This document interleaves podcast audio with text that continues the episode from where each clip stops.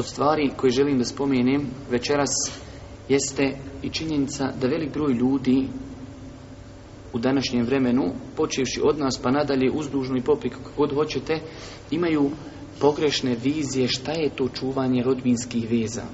Kako i na koji način se čuvaju rodbinske veze.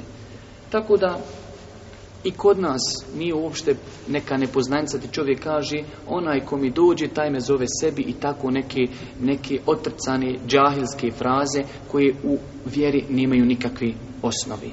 Vidjet ćete šta kaže Allah poslanik alaihi salatu wasalam Lejsel kafiju, lejsel vasilu bil mukafi. Onaj ko vraća ljudima na njihovu zjaret na njihovo čuvanje rodbinskih veza, to se ne broji čuvanje rodbinskih veza, Boži poslanik kaže. Kaže, čuvanje rodbinskih veza jeste da odeš onome ko ti ne dolazi. To je pravo čuvanje rodbinskih veza, da odeš onome ko ti ne dođe. Onaj ko ti dođe, ti s njom samo uzvratio.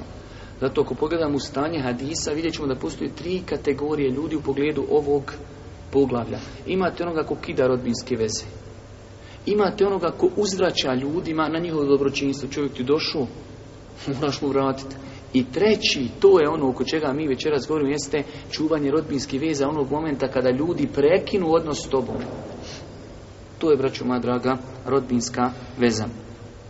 Jedan od najvećih neprijatelja rodbinskoj vezi, pa čak i dobročinstva roditeljima, jeste, braću moja draga, televizija kažemo kako su muslimani objeručki prihvatili sav taj pesilnuk od zapada, televiziju i ostale stvari, evropska i svjetska prvenstva, zapostavili su svoje najbliže, zapostavili su rodbine, zapostavili su svatbe, zapostavili su e, izraza, izražavanje saučešti kada, kada je to najpotrebnije ljudima, u smislu kada ih zavisi kakav sivet.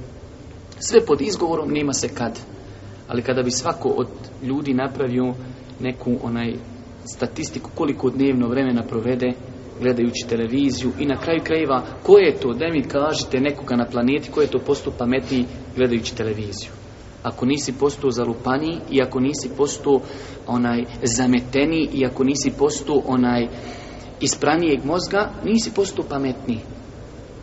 Tako da znači kad bi rekli da čovjek to gleda pod izgovorom da će postati pametan, a znači koliko je stvari koje su nam postale krnjave nakon što smo počeli gledati svakodnevnu televiziju.